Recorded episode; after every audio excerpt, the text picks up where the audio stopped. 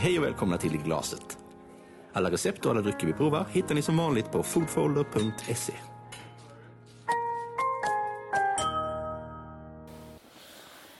Ja, välkomna tillbaka till dagens episod. Idag ska vi prata om eh, vitt vin. Jag tycker det kommer bli jättekul. Vad säger du Matilda?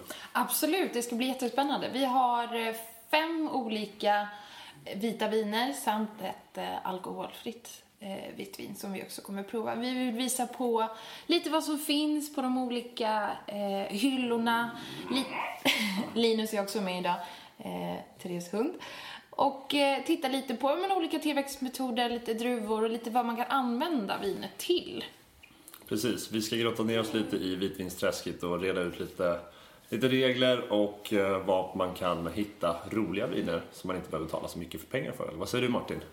Ja, det finns lite grann utanför de mainstream-grejerna. Även om idag har vi en klassisk line-up. Ja, Men eh, här är några riktiga guldkorn som är goda till eh, en peng där det finns saker som inte är lika gott. Så det är kanske de man ska försöka hitta. absolut. Absolut.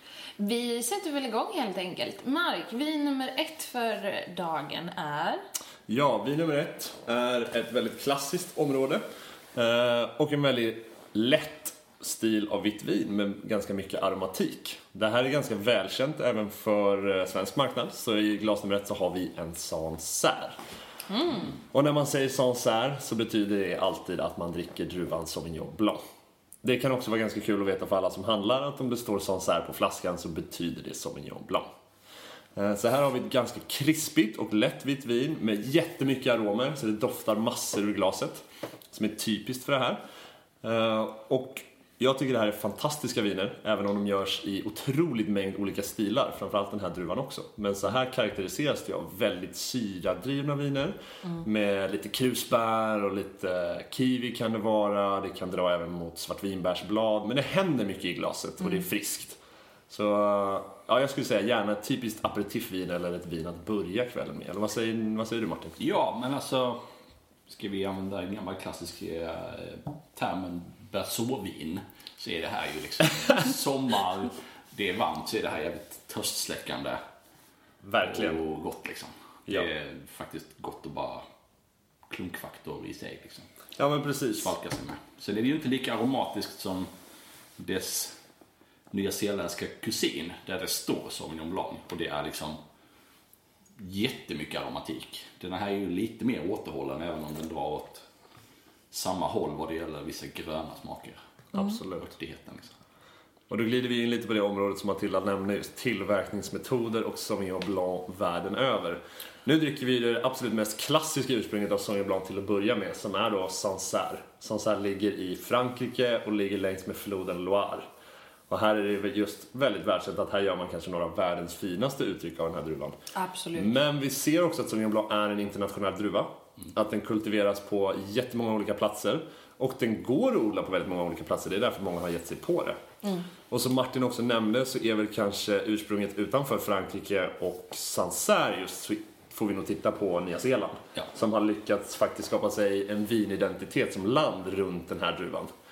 Som hittade på en helt egen stil. Som Ja. typ inte gjordes och som de faktiskt blev jävligt bra på. Som liksom har boostat hela vinmarknaden i Nya Zeeland. Ja men verkligen, verkligen. Och som någonstans ändå kanske har överskuggat Sancerren lite också. När, när man pratar om Sauvignon Blanc så pratar man ju om det här über-übergröna uttrycket som man får i, i Nya Zeeland. Det, det är ju nästan det som har blivit mallen nu för tiden. Men, så vi vill slå ett litet slag för, för Sancerre. Det är som sagt det är ett område som ligger i Frankrike. Eh, det är ett prestigeområde. Priserna kan gärna dra iväg lite grann. Men det finns fortfarande mycket eh, på den svenska marknaden som inte behöver vara så, så dyrt. Absolut.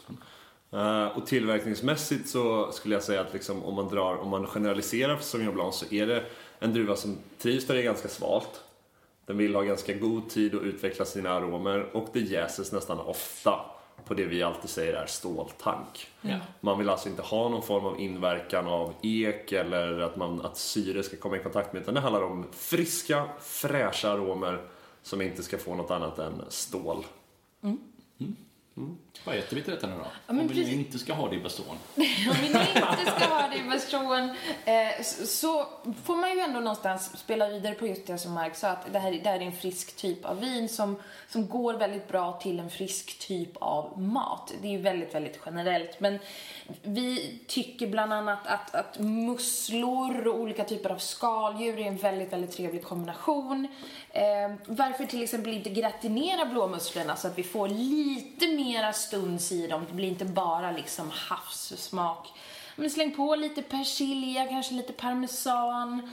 Eh, alltså goda grejer. Absolut, jag håller med Matilda. Jobba gärna med gröna örterna. Det gifter sig fint med vinet. Eh, Typ det man har. Och tycker man att vinet är alldeles för aromatiskt och att det sticker i näsan så är till exempel parmesan eller salta tillbehör en ganska lätt addition till maträtten för att egentligen balansera ner all form av så här, om man tycker att oj jäklar vad det doftar för mycket. Så är salt eller parmesan eller någonting ganska enkelt. Absolut. Att bara så här, skruva ner volymknappen på vinet lite. Ja. Eh, och sen en, så här, en jätteklassisk kombo som vi säkert alla har hört så är ju getost. Tillsammans med Sauvignon Blanc kanske två saker som verkligen, som Martin alltid säger, like peas and carrots. ja men de är ju faktiskt gjorda för varandra i det här Ja. läget. Allt ifrån texturen i getost och den syran som finns i osten har ju ett jättebra samspel med den här druvan. Om den görs i det här formatet. Alltså den här Precis. generella mallen av Sauvignon Blanc som vi beskriver idag. Ja. Så är det ju supergott. Den kan man ju också hitta typ i, liksom i andra mejeriprodukter på get och får som Absolut. liksom, man hittar den bryggan. Så, så prova det gärna till, till ostbrickan, men sen går det ju att spinna vidare. Man kan ju göra liksom diverse ostkrämer och kombinera det kanske med lite rödbetor som är en väldigt klassisk kombination. Eller släng in lite krasse för att jobba på det här gröna och så, så blir det liksom, det blir jävligt gott. Ja, verkligen. Sista sak om Sauvignon Blanc. Eh, om man köper Sauvignon Blanc ifrån Bordeaux i Frankrike så kommer det kännas som en väldigt annorlunda grej. Men det lämnar vi för vidare avsnitt. Men då vet ni det i alla fall. Absolut. Att, eh, men de är sällan märkta som de Blanc. Nej. Så det är ingenting man råkar köpa för att man tyckte det var liksom Exakt. Oh, här har vi något nytt! Nej. Ja, jag lämnar över taktpinnen till Matilda och glas nummer två i vitvinsvärlden. Jajamensan. Vi, vi fortsätter med eh, något som vi, jag tror att vi tidigare avsnitt har beskrivit lite som, eh, som lerketchupen. Det är Rieslingen som får glida fram. Eh, vi har valt idag att ta en tysk Riesling och det är väl de som, Tyskland och Österrike är väl de som producerar det, det som, den stilen som vi föredrar. Det här är också ett väldigt friskt och fräscht vin. Det är en hög syra precis som eh, Sancerren. Kanske inte lika grönt eh, på samma sätt. Men har... Knepigt för oss att kanske sätta den i ett typiskt fack. Men idag har vi valt en stil av Chardonnay som har stora marknadsandelar och en, en stor publik. Så eh, istället då för att titta på Chardonnay som kom ifrån Chablin i glas nummer tre som var väldigt mycket svalare och som hade hög syra och mycket toner ifrån sin jordmån så har vi här snarare ett vin som har växt i ett varmt klimat och har en uppsjö av snarare exotisk frukt. Eh, lite lägre syra och eh, en typisk vinmakningskultur eller sätt där man faktiskt både jäser och lagrar vinet i träkar. Så det här är nog ett vin som är gjort för de som, som älskar, jag vill nästan säga svulstigt för det är så jag uppfattar det. Men det här är stort och det här har mycket tyngd i munkänslan. Eh, Det smakar tydligt av sin hantering under tiden man gjorde musten till vin. Och eh, jag kan tycka det här kan vara jättegott ibland eh, och mindre gott på andra tillfällen. Men framförallt så tror jag det är ett väldigt härligt vin när man gillar den här mjuka munkänslan. Det är inte en syra som egentligen sticker någonstans i käken utan munnen kläds ganska mjukt av det här vinet. Eh, Och det är framförallt hur det har framställts. Att det har fått ligga på den här eken och andas och så långsamt oxidera och dra åt sig lite andra aromer och, och varm frukt. Exotisk frukt. Med lite kokosnöt och du kan till och med hitta lite så här smör, popcorn och vi pratar lite grann om, om, om lite så här majsburk. I den Eh, bästa benämningen. I den, I den bästa benämningen. Men, men lite så här grillade majspuréer och det, det finns... Eh, det här är ju ett sjukt användbar stil av vin för oss som, som jobbar just med mat och, och vin i kombination. Ja. Alltså det här med, nu ska vi inte säga nachos-tallrik, men göra en variant på nachos med Ja. lite andra smaker som inte går åt chili tex-mex-hållet. Ja. Så kan man ju liksom verkligen gifta sig med den här majsiga fettman liksom. Verkligen. Eh, och jag, jag skulle även säga att vill man så går det även att ha de här vinerna till alltså, typiska stekytor på både nötkött, såsom fågel och fläsk. Ja. Alltså om, vi har pratat väldigt mycket och kommer prata om grillviner senare när vi pratar om röda viner, men det här är ett ganska exceptionellt bra grillvin fast på den vita sidan. Ja.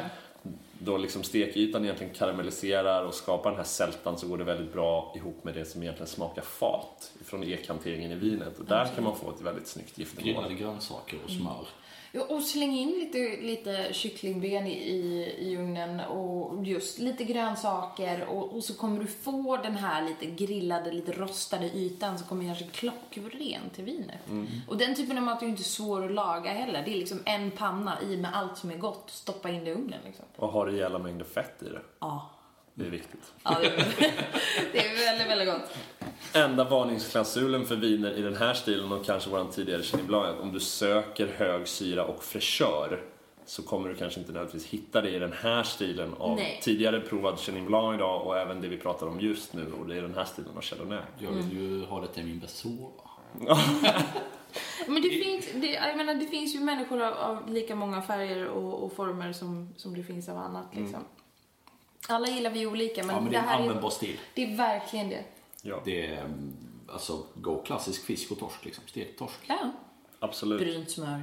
Ja, eh, och det här, jag skulle även säga att på grund av lite vart det här kommer ifrån och, och värmen i klimatet är odlat så finns det, ja men det kan nog finnas några gram extra socker i det här vinet som gör att din äppelchutney eller vad som helst du har valt att egentligen kanske krydda ditt vita kött med, det kan faktiskt hantera det. Nu pratar inte jag om habanero eller piripiris, då kan det slå sig ganska hårt, men, men en viss mängd hetta är faktiskt inga större problem för varmklimatschardonnay att hantera. Som ett, eh, som ett litet wildcard har vi stoppat in ett eh, alkoholfritt Ja, det är inte så jävla wildcard. Det är ju ganska sunt. Det är väldigt, väldigt sunt. It feels wild. Ja, det här är ju ett... Det är inte, Ja, det här kanske är det, det här måste ju vara det svarta hålet i vår marknad. Alkoholfria viner. Ja. Och jag menar, trots de bästa försöken så är det fortfarande ganska svårt att, att smaka på ett alkoholfritt vin och säga att det inte känns att det är alkoholfritt. Ja, men jag tycker man har kommit väldigt långt med alkoholfri öl som inte alls är så söt eller sönderhumlad som den var för några år sedan. Men det här är fortfarande ett ganska bra alternativ om det är så nu att man kanske är Ja. glutenallergiker eller att man inte kan dricka öl av några andra skäl. Det kanske bara helt enkelt inte finns på festen. Precis. Uh, Men det här får väl falla inom kategorin av våra första tre viner. Ja. Väldigt lätta, krispiga. och syradrivet liksom. Ja. Det, Och det här är långt ifrån saft. Som, Ja. som tyvärr oftast blir resultatet både när det gäller röda och vita alkoholfria viner. Att, att det, det, det finns liksom inget motstånd. Nej. så då kompenserar folk genom att addera socker i någon form liksom. Och då blir det ju ännu mer saftigt. Ja. Ja, jag tycker det är Martin och som du säger att det är väldigt vanligt att vi hittar stora mängder socker i alkoholfria viner idag. Och eh, jag tycker det är kul att se här, för det här är från Leitz. Uh, 1, 2, 3, Zero tror jag den heter. Eh, och det är faktiskt... Faktiskt zero faktiskt. 1, 2, Zero.